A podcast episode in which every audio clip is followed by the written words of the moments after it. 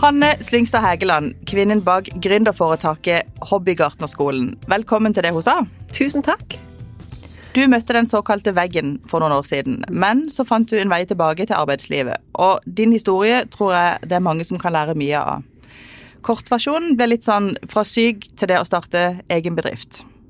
Så har jeg notert meg at du har jobba med mye forskjellig. Blant annet har du vært innom reiseliv, reklame, du har jobba i bank, og du har også drevet for deg sjøl en gang før.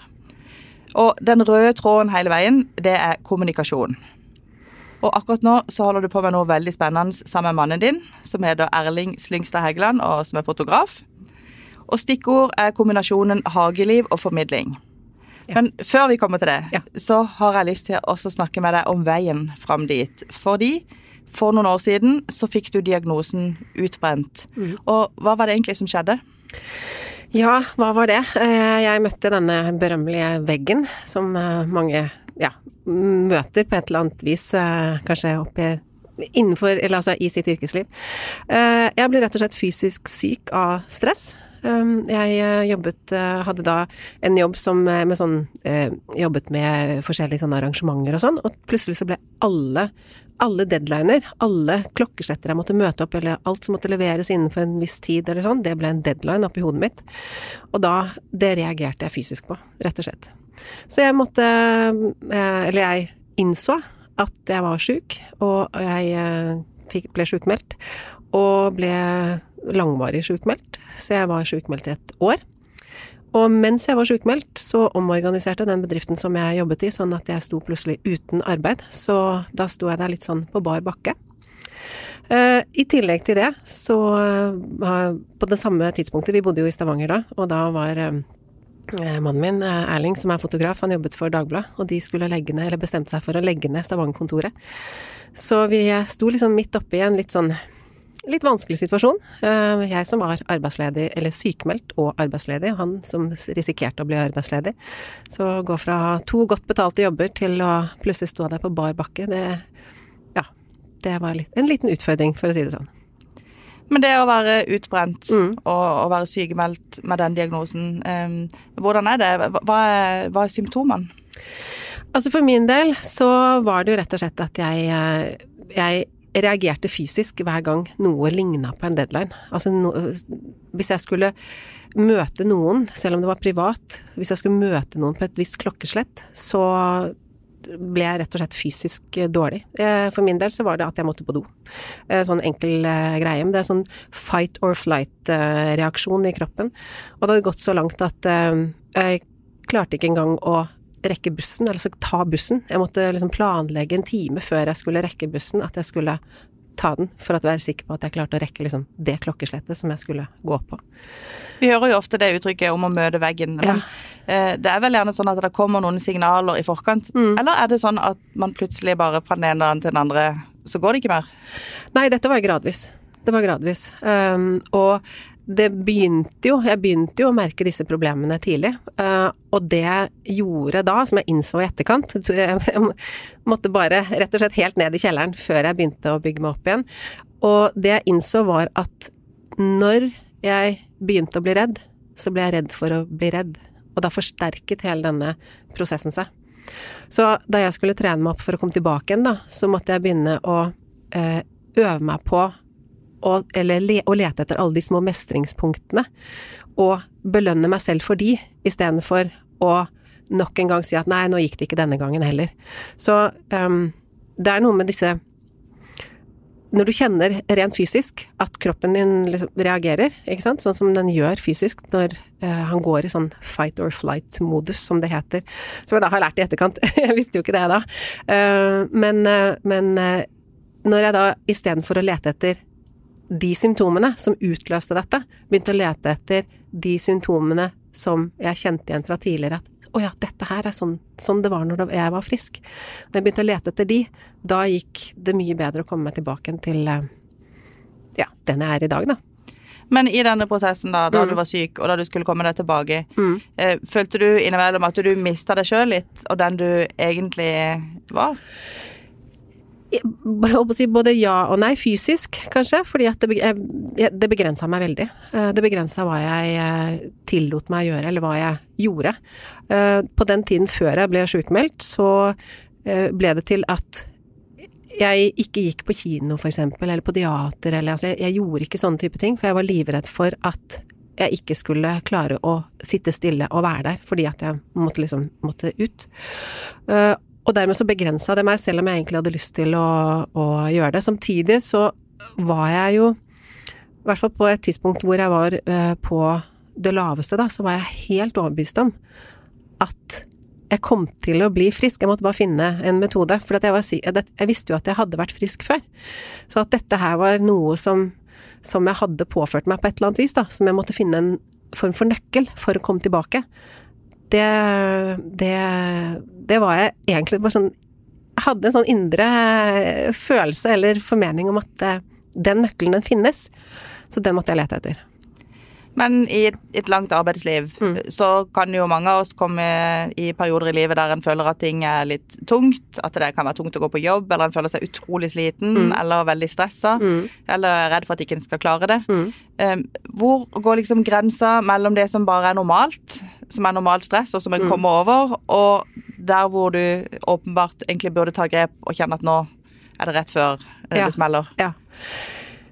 Jeg tror vel kanskje at det er gradvis, og dette, dette opplever sikkert folk ulikt, litt ulikt hvordan man reagerer, men øh, jeg ble jo da, fordi at jeg ble så nærmest sykelig opptatt av at jeg ikke skulle reagere øh, med angst og ja, denne fysiske reaksjonen i kroppen, da, så ble jeg så utmatta at når jeg da endelig liksom kom frem til bestemmelsesstedet, eller sånn, det hørtes ja. Men når jeg da fikk tatt den bussen, kommet meg ned på jobb, så var jeg helt utslitt. Før liksom arbeidsdagen begynner. For jeg hadde vært gjennom Jeg hadde liksom vært gjennom en sånn en sånn kamp, da, før jeg i det hele tatt klarte å komme meg på jobb. Uh, og de dagene som jeg hadde fri, som jeg da skulle hente meg inn igjen, så skulle det liksom ingenting til før jeg var helt gåen. Og så er det det at ikke sant, så sover man dårlig, altså det, alt bare egentlig baller på seg. Så jeg vet ikke helt Altså, jeg, for min del så var det jo eh, Da jeg skjønte at jeg liksom Nå må jeg gjøre noe. Det var at uh, vi satt en uh, søndag på kjøkkenet og spiste frokost. Og så tikker det inn en melding i, på mobilen til Erling, mannen min. Eh, og så sier han, han, ikke, han leser det ikke engang, han bare sier at eh, det er sikkert Vidar, altså broren hans, eh, som har lyst til å gå tur. Og det var nok til at det satte i gang en sånn reaksjon hos meg. Så det å gå en helt uforpliktende, helt ufarlig, helt ja, enkel tur, det gjorde at denne fysiske reaksjonen bare satte i gang i kroppen min. Men når skjønte du at det handla om å være utbrent? Det skjønte jeg vel da jeg gikk til legen og spurte dette må, er, det, er dette riktig er det sånn det skal være? Eh, og um, han sa bare at nå kroppen din er så sliten, eh, og den reagerer den har, For det første er det en automatisert prosess, du har blitt redd for å bli redd, og så bare forsterker det seg. Så det er liksom en automatisert prosess i utgangspunktet, og så er kroppen din så sliten at han orker ikke stå imot. Eh, så det var jo da det var da jeg skjønte, eller det var det som var vendepunktet, da. Det var da jeg ble sjukmeldt, og jeg begynte liksom på den, på den veien tilbake. Mm. Så du hadde en lege du snakka med, og så hadde mm. du jo helt sikkert mannen som du snakka med. Men mm. hadde du andre underveis som hjalp deg med å forstå situasjonen og med å ta tak i det som kunne endre på den? Det var vel ikke så mange som jeg åpna meg for da, nei, for jeg syntes det var så flaut. Og hva med arbeidsgiver? Du, var du åpen sånn Nei, da var jo du arbeidsledig? Nei, ikke, ikke på dette tidspunktet. På, på, det tidspunktet hvor jeg da ble sjukmeldt, så var jeg i jobb. Uh, og jeg jeg, eh, vi snakket noe om det, men ikke, jeg var ikke så tydelig. Um, jeg, vi snakket vel om ting som, som kanskje jeg følte at frustrerte meg, ikke sant. Sånne ytre type faktorer. Men jeg, jeg var ikke så åpen og ærlig om at det var, var, det var, jeg som gjorde det her. Uh, lette liksom etter ting utenfor meg selv som kanskje kunne ordnes på, ikke sant. Endre litt arbeidstid, kanskje, eller altså gjøre ting utenfor meg selv som kunne lette på dette. Men uh, så skjønte jeg jo etter hvert, da, jeg, mens jeg var sykemeldt og fikk liksom litt tid til å tenke, og etter hvert da jeg da sto der arbeidsledig og måtte begynne å tenke nytt, så øh, skjønte jeg jo at øh, det er hos meg, det er jeg som må gjøre den endringen. Og jeg har lært det i etterkant, da, fordi at jeg har, jeg har jo hatt litt coacher og sånn, spesielt nå i det siste som gründer, og da var det en coach som sa det at når, når du Hvis du opplever at det er liksom hele verden rundt deg så burde gått til psykolog for at du skal få det bra, da, da må du kjenne etter at ok, det er kanskje jeg som må gjøre noe hos meg. Og det var vel det jeg innså etter hvert, at det var hos meg det lå. Mm.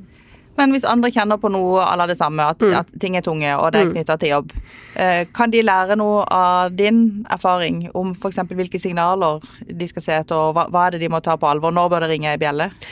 Ja, altså der hvor jeg tror kanskje det jeg burde ha skjønt det, var at jeg kanskje jeg kanskje var, jeg holdt på å si, på feil sted, eh, men ikke ikke tok det alvorlig nok tidlig nok. At jeg eh, jeg har nok eh, Nå er jo liksom, driver jeg for meg selv i dag, så jeg kan jo ikke klage på arbeidsgiveren lenger. Men eh, jeg har nok Jeg har nok hatt en drivkraft i meg som kanskje var så sterk, og som ikke fikk utløp i de jobbene som jeg har hatt, fordi at der har det kanskje vært veldig sånn regelstyrt eller sånn, og så har jeg kanskje ikke identifisert meg helt med det. Så har jeg kanskje gått litt på, for mye på akkord med hva jeg egentlig mener, og hva jeg står for, og de tingene som er viktige for meg. Og istedenfor å lytte til de signalene der, da, så har jeg fortsatt i jobb, fordi det er jo liksom det man kanskje skal, og det er det man tenker at det er smart, og det er sikkert og trygt og alt sånn. Uh, og så har det kanskje vært uh, noe annet jeg egentlig burde gjøre. Så jeg tenker at eh, for min del, jeg har i arbeidslivet så har jeg frem til, i hvert fall frem til da, så har veldig mange av mine jobber de har bare eh, de har jeg fått fordi at andre har ment at eh, de er fine jobber for meg. Men jeg har kanskje ikke vært flink nok til å stille meg det spørsmålet hva er viktig for meg å jobbe med? Så det er vel kanskje det jeg har lært nå, da, og gjør nå. Mm. Og det som er så flott med din historie, er jo at du fant jo en vei tilbake som fungerte for deg. Ja. Eh, og det har blitt veldig bra. Og det gjør jo at det er kanskje litt mer interessant å se tilbake, og hva var det som gjorde at du klarte det? Ja. For, for det, er jo, det, er jo, egentlig heldigvis til nå en slags happy, happy ending, eller en, et godt uh, resultat, eller det endte godt, da. Mm. Um, men hva var det som gjorde at du klarte å ta tak og fikk snudd det? Uh, og kom inn på rett spor, altså, altså at du ble bedre igjen? Ja. Uh, vi hadde jo da flyttet eh, fra Stavanger til eh, Kristiansand, eh, og vi hadde Jeg hadde fått sånn treårig hospitering Eller sånn arbeid med bistand var det det het en gang. Jeg vet ikke om det heter nå. Men i hvert fall så hadde jeg liksom tre år på meg hvor jeg kunne være i bedrift og jobbe meg tilbake, altså få tilbake både Altså få tilbake rutinene i hverdagen og få tilbake arbeidskapasiteten og det hele. Og da var jeg så heldig at jeg fikk eh, sånn såkalt hospiteringsplass hos eh, Randesund hagesenter. Og det som var så fint med den, den sånn arbeidet med bistand, eller det prosjektet, da, for min del, det var at eh, for det første så var det en Jeg hadde noe å gå til. Altså, ikke sant. Mandag til fredag. Sånn at det ble faktisk en forskjell mellom ukedag og helg. Ikke sant. Og når man er sjuk og bare, eh, bare, eh, hermetegn, er eh, hjemme, så er det så føler man seg liksom kanskje litt glemt, og man føler seg ensom, og man føler seg litt sånn utafor arbeidslivet. Men det å ha denne avtalen, det, det starta jo med at jeg De krevde ikke noe av meg, de krevde bare at jeg kom mandag til fredag, at jeg dukka opp. Og det å få starte så lavterskel, Eh, og at jeg var den som styrte utviklingen, hvor liksom jeg skulle være og sånn. At jeg, jeg mestra hele veien underveis. Eh, det gjorde også at jeg fikk en følelse at jeg hele tiden gikk litt grann fremover. Litt, litt grann, bitte steg fremover hver dag. Og så var det, det forskjellen, altså ukedag og helg, sånn at jeg følte at når jeg traff folk og sånn, så jo, jeg har også en jobb. Selv om den ikke er liksom veldig kravstor og sånn, men jeg hadde en jobb, og det var å komme meg på jobb mandag til fredag. Og så kom du til Randesund hagesenter. Ja, det var der, ja. Eh, og, og, der mm. eh, var egentlig din oppgave bare at du skulle, du skulle bare møte opp, ikke sant? Du skulle bare være der. Du mm. kunne styre det litt sjøl. Åssen uh, følte du det da? Jo, eh, til å begynne med så var det jo det som eh, da følte liksom var den, den, viktige oppgaven min, ikke sant. Eh, at jeg bare, bare møtte opp. Eh, og så etter hvert så eh, ble jeg sterkere og sterkere, var der lenger og lenger og fikk flere og flere oppgaver. Og, etter, og begynte så smått i butikken. Og når jeg da begynte også å få, få spørsmål fra kundene, sant, så jeg, måtte jeg da gå til Morten og spørre og få gode svar. Og de svarene, de, når jeg da ga de tilbake, så lærte jo jeg innmari masse underveis også, sånn at det ikke bare handla om at jeg skulle bli frisk, men at jeg faktisk var i noen omgivelser som jeg, jeg vokste på, da. Eh, som var fantastisk. Mm. Og de oppgavene du hadde der og det de, var jo mm. egentlig litt sånn spiren til at du fant ut hva, du, hva du ville drive med ja. eh, etterpå også? Ja, absolutt. Fordi at eh, det var Jeg hadde jo da til, hadde jo hatt denne hagegleden eh, frem til da, men eh, jeg måtte liksom lære ting litt på nytt, fordi at eh, de driver jo såkalt økologisk eller organisk, eh, mens mye av den andre hageverdenen er mer sånn en del kjemiske produkter. Så jeg måtte egentlig læres opp litt på nytt, nullstille det jeg kunne fra før og lære meg ting på nytt. men jeg likte det så godt, da. jeg elska det. Um, og, og det, ja, det traff meg så veldig. Og dermed så, så ble det en sånn naturlig vei å, å ta med seg videre. Mm. Men var det du selv som valgte at du ville jobbe med noe hagerelatert da du skulle prøve å komme tilbake til arbeidslivet, eller var det tilfeldig at du havna i den bransjen? Det var nok litt tilfeldig, fordi at uh, det gikk et steg via Akvarama først. Uh, fordi da jeg hadde jobbet uh, to år cirka på hagesenteret, på Randsund hagesenter, så um, var det Altså, så tenkte jeg at jeg må Det siste året jeg har igjen på dette prosjektet, det vil jeg bruke for å være sikker på at jeg er frisk. Kjenne etter at jeg er ordentlig frisk. Fordi eh, det er jo lett å, å liksom identifisere seg med denne sykdommen og tenke at jo da, men det er jo fort gjort å liksom komme tilbake i det samme, sant. At man blir litt, kanskje litt engstelig for det. Så, men jeg bestemte meg for at nei, nå vil jeg uh, få bekreftelse på at jeg er frisk. Så jeg spurte, det var jo Varodd som organiserte det hele, og spurte de om de kunne hjelpe meg med å finne et nytt sted jeg kunne være. Eh, og da, det var akkurat i den tida hvor Akvarama starta opp. Så eh, jeg eh, fikk lov til å ta det siste året der og jobbe med markedsføring og kommunikasjon det året da vi starta opp. Så det er jo Ja, jeg tenkte at hvis jeg makter det, å være med på den oppstarten og alt det det innebærer, da er jeg frisk. Og det klarte jeg. Mm. Ja, Hvordan gikk det, og hvordan var det å jobbe der?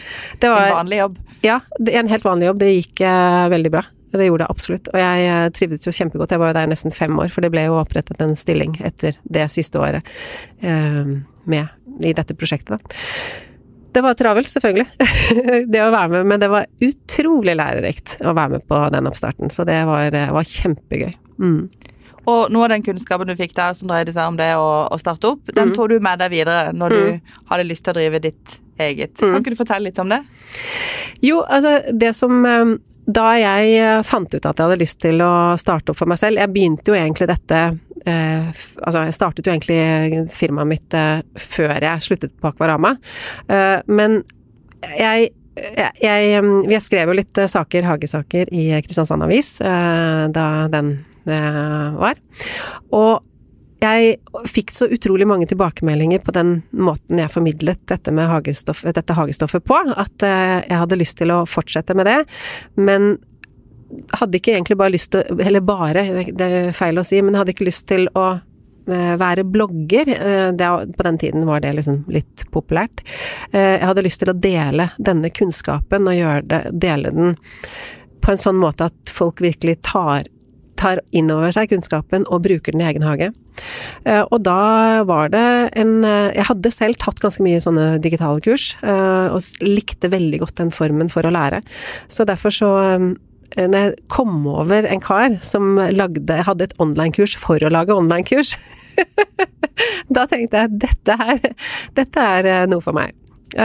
Og jeg eh, begynte å dykke ned i det, og tenkte liksom hva er det jeg kan gjøre som jeg kan lage kurs på, for jeg syntes det så så gøy ut. Um, og så tenkte jeg at eh, jeg kan jo Jeg har så lyst til å formidle dette stoffet, men jeg er jo ikke faglært gartner. Hva, hvordan kan jeg gjøre det da? Og så bare etter et par dager så plutselig så dukker liksom bare faller det ordet hobbygartner ned i hodet på meg, og så tenkte jeg hm, hobbygartnerskolen, kanskje, ja. Så sjekket jeg det domenet og fant ut at det var ledig, så jeg kjøpte det, og nå er det kursvirksomhet. Ja. Og du sa til meg at noe av grunnen til at du kanskje ble syk, var at ikke du har vært flink nok til å lytte til deg sjøl, hva du egentlig har hatt lyst til å holde på med. Ja. Og når du snakker om dette nå, så blir du ekstra engasjert, ikke sant? Og det ser ut, jeg kan se på deg at, det, at du snakker om noe som du virkelig brenner for, og som du syns er ordentlig gøy. Kan ikke du prøve å beskrive eh, den følelsen du fikk når du skjønte hva du ville holde på med? Eh, Da, da blir jeg jo helt entusiastisk. Altså, jeg blir Ja. Jeg eh, tror kanskje at eh, noen av følgerne våre ser at det bobler litt når vi har sendinger og sånn, og det det er jo fordi at jeg syns det her er så utrolig gøy. Og da jeg fikk denne ideen, så det er jo sånn jeg kan nesten ikke sitte stille. og, da, og sånn er det egentlig hele veien, når jeg kommer opp med nye ting og, og ja. Og vi eh, Da vi da jeg lanserte de første kursene, det var i eh, februar 2017, hadde vi de, liksom de første kursene. Og da solgte vi noe sånn som 80 kursplasser på fem dager. Og da følte jeg det som jeg hadde liksom ja, bare vunnet den store første premien, liksom. Ja, det var helt, eh, helt magisk. Så helt sånn kort fortalt, det produktet dere starta opp med da, det kalte dere for Hobbygartnerskolen, og det handla om at dere filma eh, tips, da, eller hvordan gjorde dere det? Vi har et uh, digitalt kurs som er bygd opp til Det startet med såkalt nybegynnerkurs, som er liksom grunnleggende om alt fra hvordan man skal planlegge en hage, uh, sant? hva du, man skal få ut av det, og alt uh, Vi snakker om jord og fotosyntesen, ikke sant. Sånn disse, disse tingene som er viktige for å skape et godt liv i hagen. Snakker om beplantning og de ulike plantegruppene, ikke sant. Vi snakker ganske liksom grunnleggende.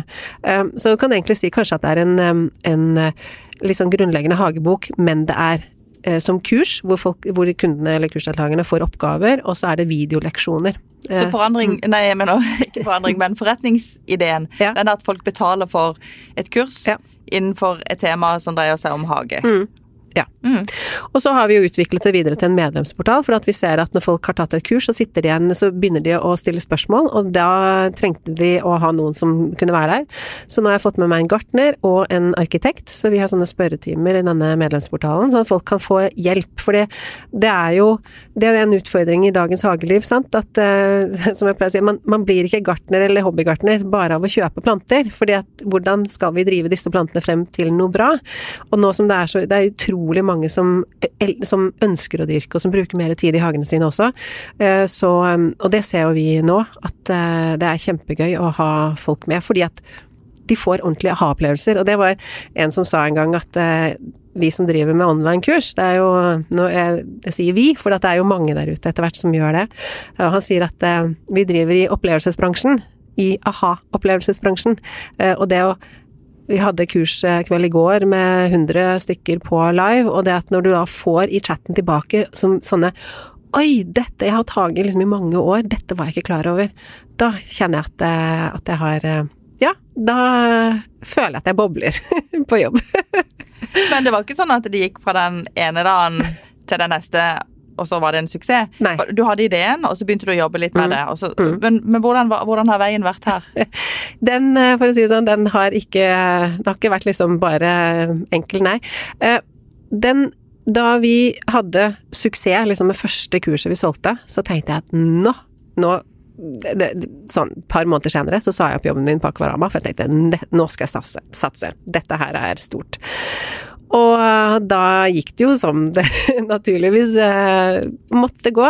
Vi hadde ikke holdt på lenge nok til at vi hadde stabil omsetning, så det har vært ganske treigt eller ganske lavt ganske lenge. Men jeg hadde allikevel en sånn tro på at dette her, det er et marked for dette, og det er dette jeg har lyst til å gjøre. Det er dette jeg virkelig brenner for. Så vi har eh, jobbet og gjort det vi har kunnet for å liksom få det til, men det var en periode, og det var nå, for, altså det var i januar 2019, eh, og vi hadde akkurat liksom runda nytt år, jeg tenkte at nå er det en ny sesong.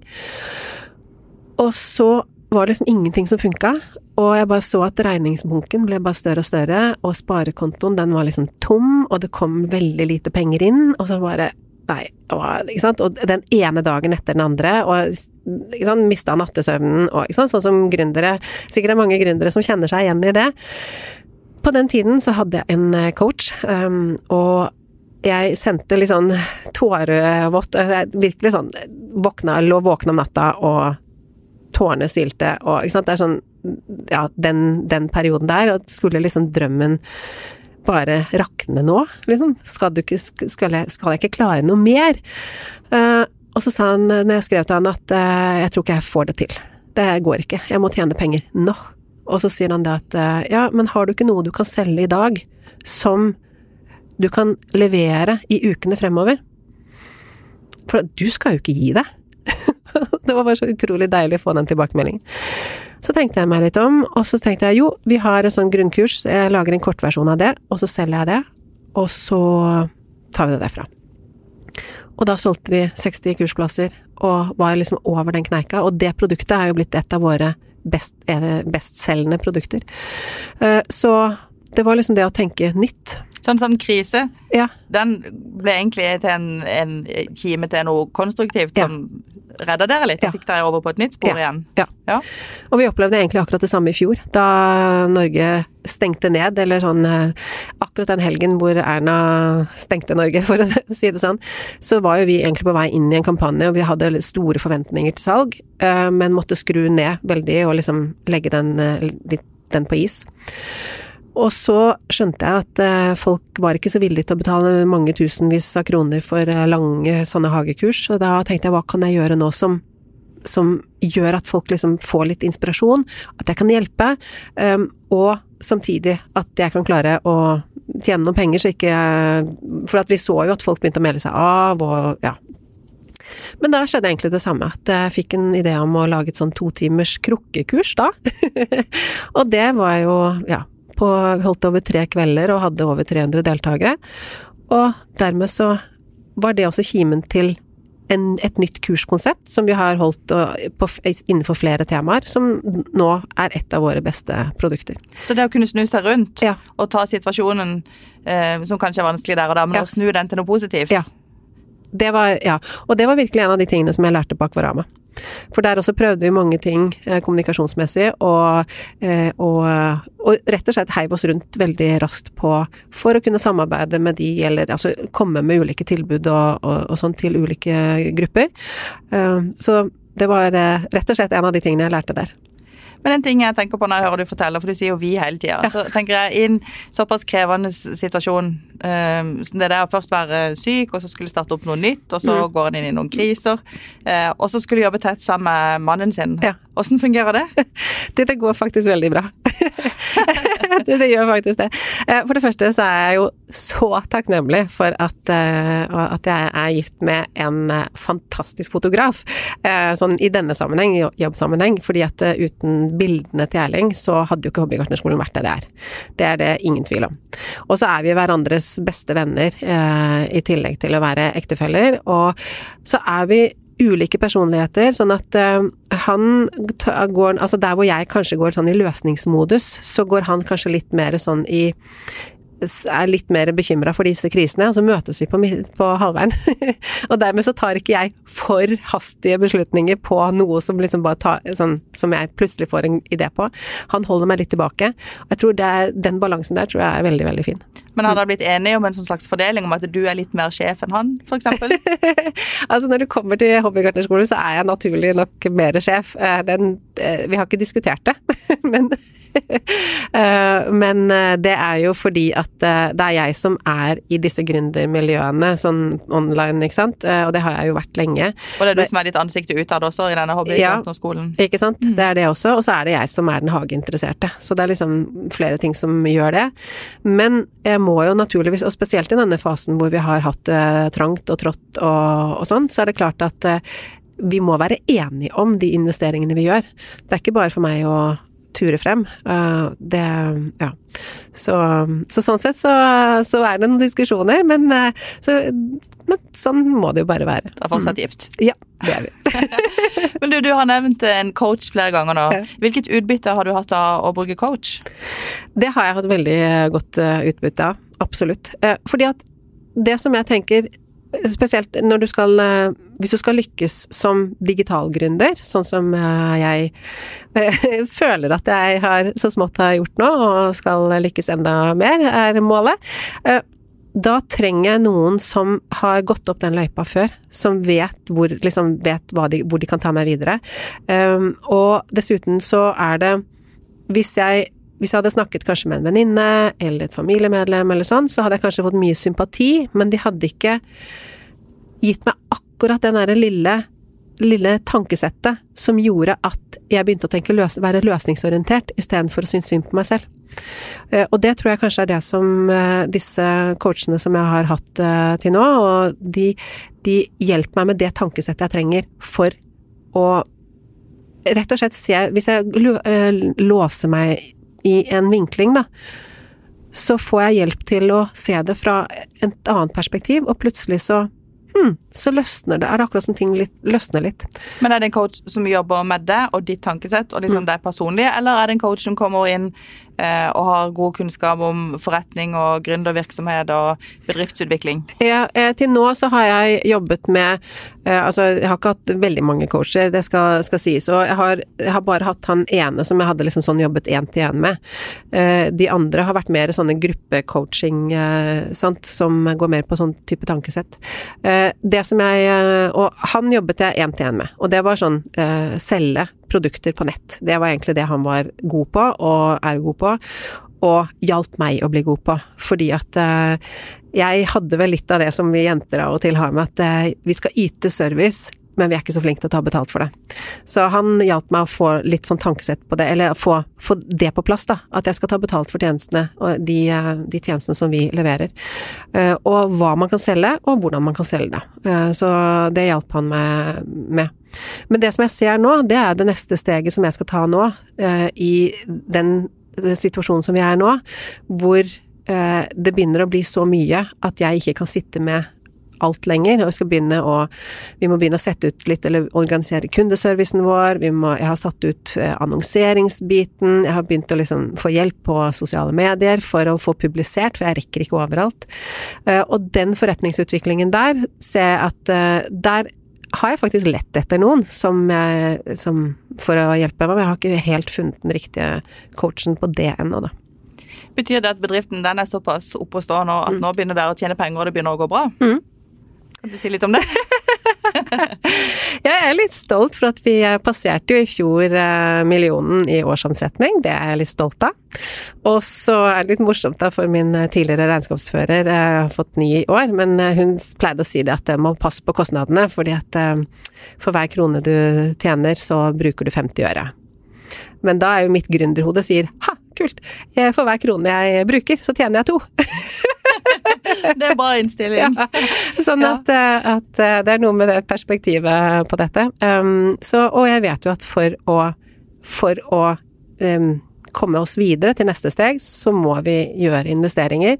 Så ja, jeg, jeg eh, investerer i, i utvikling av bedriften nesten hver uke, eller i hvert fall sånn har et langsiktig perspektiv på dette nå. Mm. Men du er ikke redd for at dette skal bli så stort og så travelt at du igjen skal bli litt fanga av den der spiralen der du blir stressa og mister nattesøvnen og, og, i verste fall blir syk igjen? Ja, eh, men jeg tror at eh, nå er det jo jeg som styrer det, for det første, så jeg kan jo velge det. Jeg, men jeg er veldig obs på dette, det er jeg absolutt.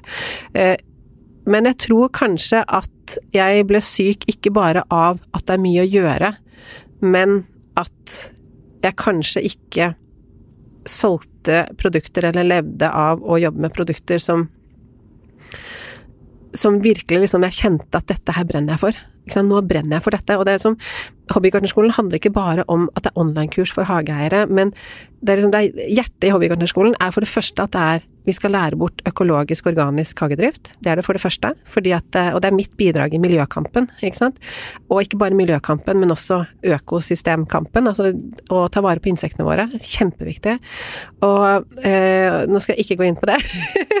men, men, det er liksom det er det ene sånn, Det er liksom det ene delen av hjertet i Hobbygartnerskolen. Den andre delen, det er helse. Sant? At eh, folk har Det å komme seg ut i hagen er jo dokumentert så mange ganger at det har en helseeffekt. Og jeg kjenner det jo selv på kroppen, at bare jeg får en halvtime ute i hagen, så senker liksom stresset seg og ja. Så det, det, er så mange ting ved dette med hage som Altså, jeg er jeg ikke Jeg har ikke noe showhage. Jeg har ikke noe hage som er sånn vakker å vise frem. Den skal bli bedre, men, men det, det, det, synes min hage, i min hage at jeg har vært eh, gründer med litt, litt travle dager de siste årene. Eh, men jeg tenker at en hage skal være et fristed, og jeg tenker også at jeg ønsker inspirert at, at hagen skal være en forlengelse av huset, ikke av husarbeidet. Sånn at du skal gå ut og kose deg og så kan du godt jobbe litt, akkurat som å stelle litt og pusle litt inne også, men, og pusle litt ute. Men hage har liksom blitt for mange enten bare blomster, planter eller gjøremål. Så det å ha et sted, fristed der ute og kose seg, høre på insektene summe og kjenne solen varme og ta seg en kopp kaffe. Mm. Men du har mye å gjøre med, mm. med, å drive dette. Eh, klarer du fremdeles å gå ut i haven sånn som du beskriver, og bare sette deg ned og kjenne sola varme og høre fuglene kvitre, og nyte det? Eller er du på jobb når du er ute i haven? Jeg klarer faktisk bedre å nyte det enn jeg skulle tro. Uh, og det er flere ganger jeg kommer inn og tenker å for søren, jeg skulle jo ha Jeg burde jo ha tatt bilde mens jeg holdt på med dette, og for å kunne publisere. Men da er jeg liksom i min egen, uh, egen verden. Så det, jeg skrur litt av. Jeg gjør det, altså. Mm. Du snakker om det med hvor viktig natur og det å mm. være ute er for, mm. for helsa vår. For folk som er litt stressa da på, mm. på, jobb, som har mye, og, mye å drive med, og mye å tenke på. Hva, hva gjør det med en som sådan når man kommer ut i hagen og begynner å plante litt og kanskje sår litt. Og... Hva det gjør sånn rent fysisk, tenker du på? Jo, eh, altså det er dokumentert at eh, bare 30 minutters hagearbeid, bare å være ute og holde på, det senker stressnivået i eh, blodet. Altså dette kortisolnivået i blodet. Så det senker det. I tillegg så frisk luft og dagslys og fysisk aktivitet, det også er med på å øke dette serotonin nivå. Så, så, du har liksom tosidig der.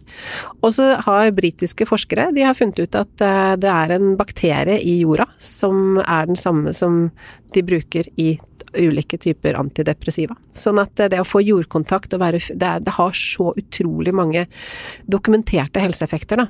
Så det er jo en av de tingene som jeg kjenner på selv, og som når jeg går ut og er ute litt, og som jeg også ønsker å inspirere andre til å, å oppleve selv. Og ikke kanskje ikke vær så opptatt av at det skal være så brettekanter i hagen, men bare være ute og kose seg. Ja. Og nå er det jo tida mm. akkurat nå. Det går kanskje mot den uh, aller fineste tida på, mm. på året. Um, har du noen råd til folk? Nå tenker jeg først og fremst liksom på hage. Er det noen ja. enkle tips du kan si som ikke gjør at vi blir enda mer stressa, men som gjør at vi bare kan uh, kjenne på alt det gode? Ja. Uh, for det første så tenker jeg at la um, nå er det, jo, det er jo klart at på, eh, det er liksom vårånda akkurat nå. Eh, det er noen ting som man eh, bør få gjort, det er klart.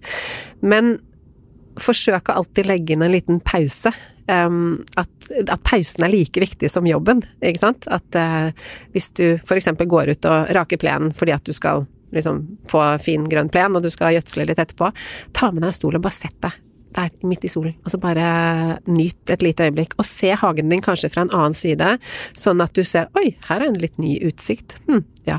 At du opplever hagen din eh, litt nytt, for kanskje vil du i fremtiden lage en liten sitteplass akkurat der, fordi at du får ettermiddagssol, eller kanskje morgensol et annet sted, ikke sant. At du um, tenker litt sånn oppholdsrom, da. Oppholdssone.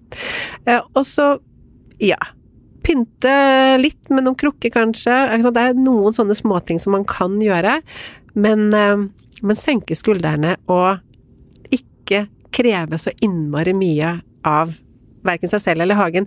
Og det er jo mange som sier det, spesielt uh, sånne som jeg følger, uh, forskjellige ja, biologer og sånn som er opptatt av dette med å, å, ta vare på insektene våre, blant annet. Og så sier de det at vi har altfor ryddige hager. så det tenker jeg at uh, senker litt sånn um, kravet til seg selv, da, at det skal være så fint. Det syns jeg var et veldig godt råd. Ja.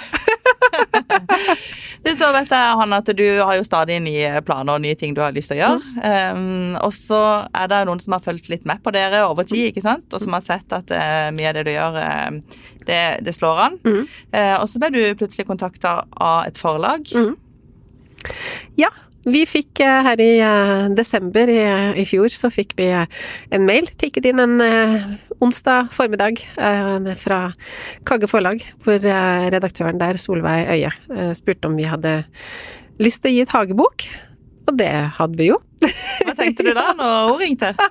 Det, det, var helt, det var nesten litt magisk, for jeg hadde tenkt å ta kontakt med flere forlag for å høre om eh, de var interessert i å gi ut boka vår. For du hadde allerede planer om å gi ut bok? Ja, jeg har jo drømt om det lenge.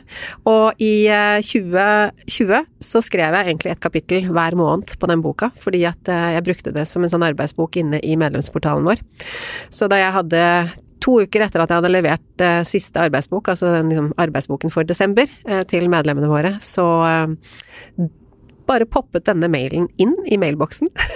så det var jo helt fantastisk. Så egentlig så er boka stort sett ferdig skrevet, men den skal redigeres og fås inn i et format som ja, et bokformat, og så skal den eh, selvfølgelig litt nye kapitler eller nye ting og sånn, og så ja. Så den kommer ut i eh, mars til neste år. Du, Da vi snakka sammen i mm. forkant, så sa du at det var egentlig et godt råd til andre. det der med mm. Hvis det er noe du virkelig vil, så ikke sitt og vent på at noe skal skje, eller at noen mm. andre tar kontakt, men bare gå i gang. Og det var jo egentlig det du gjorde med den boka. sant? Du hadde ikke noe forlag, men du hadde en idé, og du hadde lyst, og så bare begynte du å jobbe med den, og så løste det seg. Ja. Um, har du lyst til å komme med flere råd til de som hører på, sånn basert på det du har opplevd, og det med å starte opp ny bedrift, og mm. hvordan man bør tenke og agere? Ja, altså for det første så tenker jeg at eh, hvis du har en idé og har en drøm, så kjenn etter hva det er du kan gjøre i dag. Bitte, bitte, bitte lite steg i dag for den drømmen. Som for eksempel sjekke domenet på hvis du, har, liksom, hvis, du, hvis du popper opp en sånn type et, et navn oppi hodet ditt, se om det domenet er ledig, og så bare ta det. Bare sånne små ting som tar deg eh, nærmere.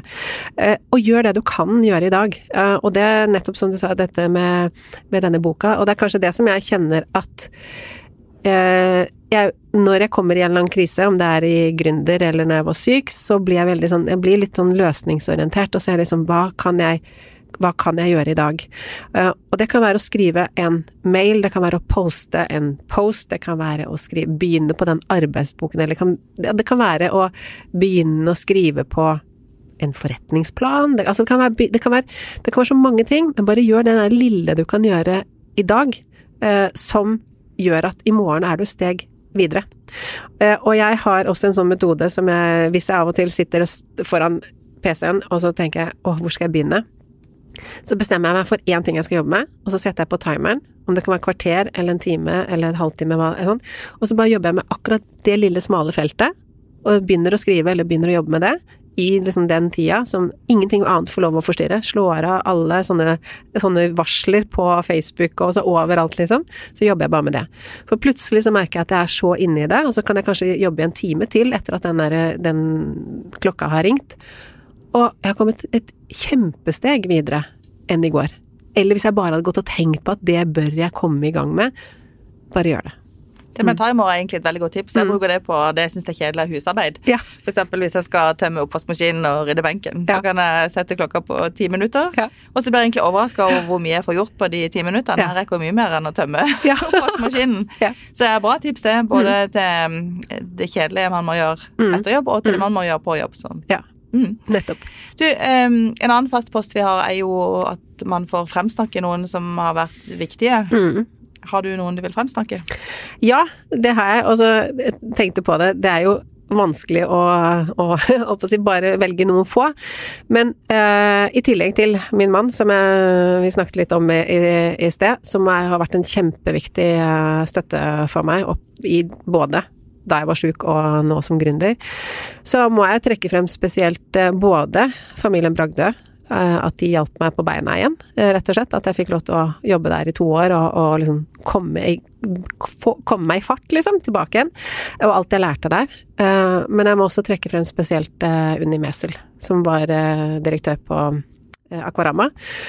Og at hun turte å satse på meg, det da jeg liksom egentlig var Jeg var ikke liksom Jeg var, hadde vært sjuk, og var jo ikke 100% frisk ennå. Eller jeg visste ikke helt om jeg var 100% frisk. Og at hun turte å satse på meg det året hvor vi skulle starte opp Akvarama, det er jeg henne evig takknemlig for. Og alt det jeg fikk lov å lære, og den måten jeg fikk lov å utvikle meg på i de fem årene der, det har også gjort meg til, en, til den personen, eller til mye av den jeg er, personen jeg er i dag, eh, og at eh, mange av de tingene som vi gjorde der, som, som eksempel å snu, snu, oss rundt når vi ikke fikk ting til helt, og ja, for å prøve nye ting, det har jeg jo tatt med meg videre. Mm.